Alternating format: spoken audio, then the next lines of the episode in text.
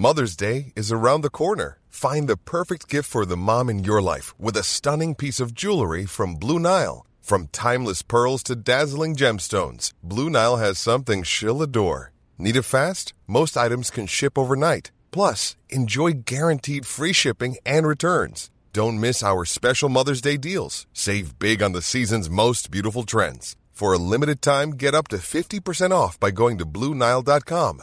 That's Bluenile.com. Hai,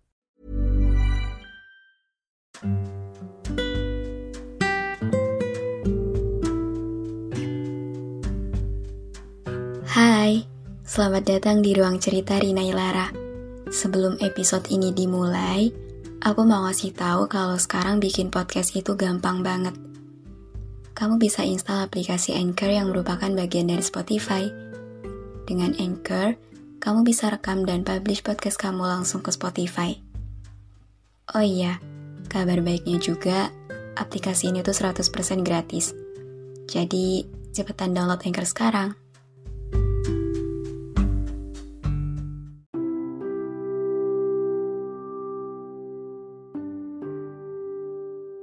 Lucu banget ya ketika orang lain beranggapan bahwa hidup kita kayak gak ada kurangnya.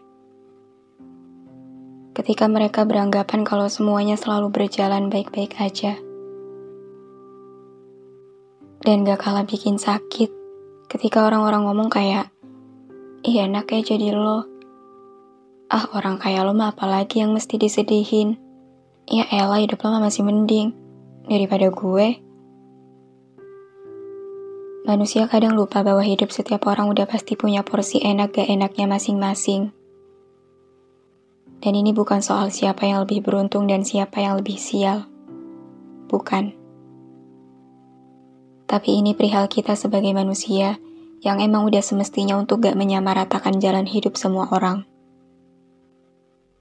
Karena setiap orang pasti punya caranya masing-masing buat nyembunyiin luka yang mereka punya. Jadi yang kelihatan selalu bahagia nggak tentu benar begitu. Yang hidupnya kelihatan sempurna pun pasti punya sisi kurangnya yang kita semua nggak tahu. Atau mungkin nggak bisa buat memahami itu. Kita mungkin sering mikir kayak, kok hidup dia bisa seberuntung itu ya? Kok hidup dia bisa selancar itu? Kok gue nggak bisa? Gak akan ada habisnya kalau kayak gitu terus karena kita cuma menilai sesuai dengan apa yang kita lihat dan menjadikan itu buat bahan keluhan atas hidup kita sendiri. Jadi gini, kadang yang kelihatan selalu seneng gak berarti gak punya masalah. Kadang yang paling sering ketawa juga gak menjamin bahwa dia yang paling bahagia. Karena pada dasarnya, gak semua sedih mesti ditunjukin. Gak semua derita mesti diumbar. Gak semua masalah mesti diceritakan. Mungkin yang perlu lebih dipahami adalah bahwa hal itu jadi strategi sebagian besar manusia buat gak kelihatan lemah aja. Sebagian dari kita pasti juga ada yang kayak gitu. Ada yang hobi nutupin kesedihan, yang suka mendem masalah sendirian. Ada yang selalu menunjukkan tawa bahagia, padahal sedang terluka parah. Orang-orang mungkin ngelihatnya kayak, I'm always fine. Aku senang-senang aja sama hidup aku. Mereka ngira aku menjalani semuanya dengan baik. Padahal enggak, enggak selalu begitu. Mereka nggak tahu secapek apa aku ngejalanin ini. Mereka nggak tahu gimana aku yang selalu hancur sendirian. Gimana aku yang tiap hari selalu maksain diri untuk terus hidup. Padahal di saat yang bersamaan pun aku pengen nyerah. Aku pengen berhenti. Gimana aku yang tiap sebelum tidur selalu berharap besoknya aku nggak bangun lagi hanya karena aku terlalu capek buat ngejalanin semuanya. Tapi aku terlalu segan buat nunjukin ke orang-orang soal kesedihan yang aku punya. Aku terlalu gengsi buat bilang kalau aku gak baik-baik aja. Aku terlalu gak mau buat mengakui hal itu karena sebagian besar orang kadang masih kesulitan buat bisa mengerti keadaan tersebut. Mereka kadang gak bisa coba memaklumi bahwa semua orang punya masalah dan semua orang berhak gak baik-baik aja. Dan sebenarnya nggak apa-apa kalau mau dinilai hidup aku sebahagia itu, sesempurna itu. Cuman minta tolong. Tolong banget untuk gak menyalahkan hak aku sebagai manusia. tolong untuk gak larang aku buat ngerasa sedih. Karena sebagian besar orang yang aku temuin, yang di mana mereka punya anggapan itu terhadap hidup aku. Dan secara gak langsung, mereka pun sekaligus menyalahkan aku untuk gak baik-baik aja. Jadi kayak, buat aku kelihatan lemah, buat aku ngerasa capek. Menurut mereka kayak gak wajar. Padahal, I'm just human. Siapa pun berhak rapuh kan ya? Siapa pun berhak buat gak baik-baik aja. Dan siapa pun harusnya juga mesti bisa memaklumi itu. Kadang kalian suka kesel gak sih sama omongan orang yang nganggep remeh permasalahan kita? Kesel ya dengar mereka ngomong kayak, ya elah gitu doang ditangisin. Ah itu mah gak seberapa, itu mah masih mending daripada gue. I mean, it's not just about who has more problems and who deserves more trouble. Karena pada dasarnya, kita sama-sama dikasih hidup sama Tuhan. Itu nggak untuk beradu nasib. Gak untuk bersaing siapa yang lebih berhak untuk mengeluh. Siapa yang lebih pantas untuk ngerasa capek, sedih, rapuh. Enggak. Di sini, Tuhan kasih kita jalan masing-masing.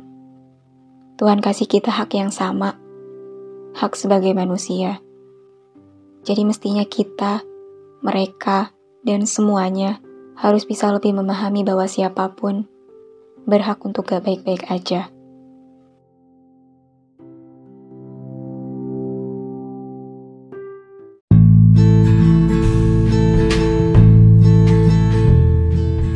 Terima kasih banyak udah dengerin episode ini. Terima kasih udah mampir ke ruang cerita yang gak sempurna ini. Semoga kalian seneng ya datang ke sini. Anyway, jangan lupa follow podcast Rina Ilara ya. Sekalian, aktifin lonceng notifikasinya juga.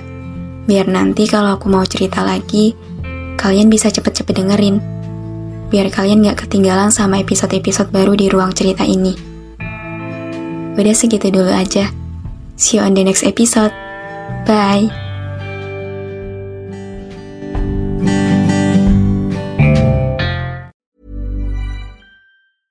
Hey, it's Paige DeSorbo from Giggly Squad. High quality fashion without the price tag. Say hello to Quince. I'm snagging high-end essentials like cozy cashmere sweaters, sleek leather jackets, fine jewelry, and so much more. With Quince being 50 to 80% less than similar brands and they partner with factories that prioritize safe ethical and responsible manufacturing i love that luxury quality within reach go to quince.com slash style to get free shipping and 365 day returns on your next order quince.com slash style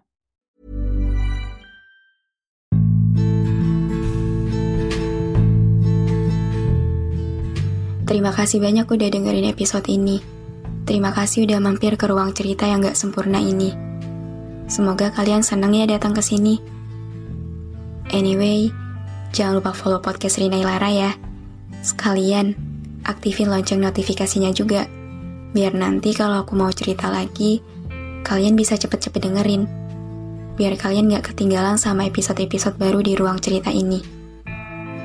Udah segitu dulu aja. See you on the next episode. Bye.